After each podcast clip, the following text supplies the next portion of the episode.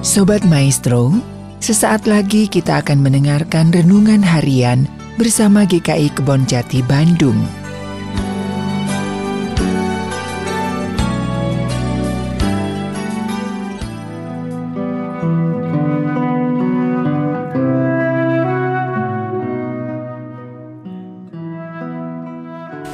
Selamat bertemu kembali dengan saya Pendeta Daud Solihin dari GKI Kebon Jati.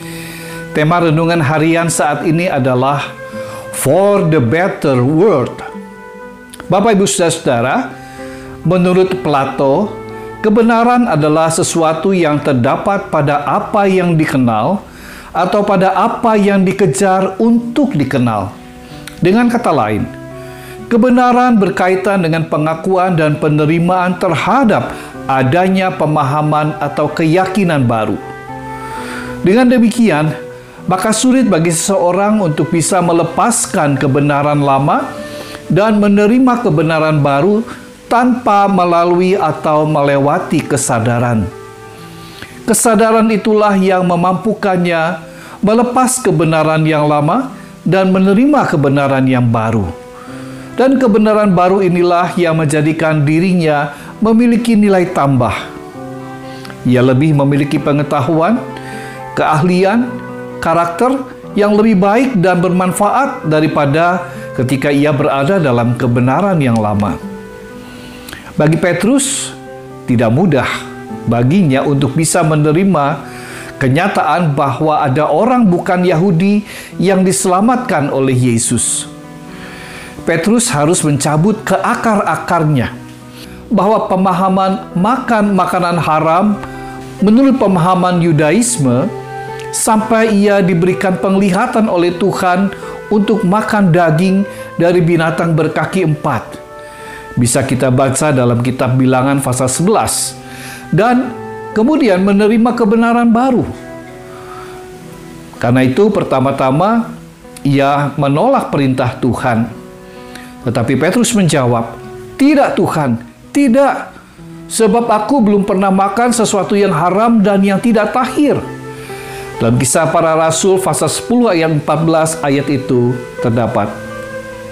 Tetapi ketika Tuhan mengeluarkan sebuah penyataan bahwa apa yang dinyatakan halal oleh Allah tidak boleh engkau nyatakan haram. Pasal 10 ayat yang ke-15. Menghadapi kebenaran absolut, maka kebenaran minor perlu menundukkan dirinya. Penglihatan itu rupanya adalah inisiatif Tuhan untuk Petrus, karena tidak mudah bagi Petrus untuk menerima orang bukan Yahudi diselamatkan Yesus, agar ia menerima Cornelius, seorang perwira pasukan Romawi atau centurion yang disebut pasukan Italia. Bagi Petrus, Cornelius adalah orang non-Yahudi pertama yang menjadi orang Kristen. Sebagai seorang yang telah menerima Yesus sebagai juru selamatnya. Sebagai sesama saudara dalam iman, Petrus rupanya menyadari bahwa Tuhan yang dipercayainya tidak membedakan suku, bangsa, budaya dalam kasih antar sesama manusia.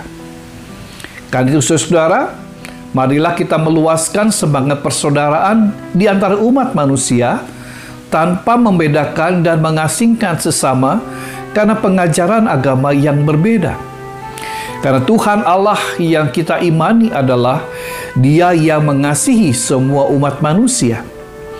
Mari kita juga mendoakan agar pemerintah negara kita semakin baik dalam melakukan keadilan bagi seluruh penganut agama dan kepercayaan yang ada di Indonesia. Tuhan memberkati.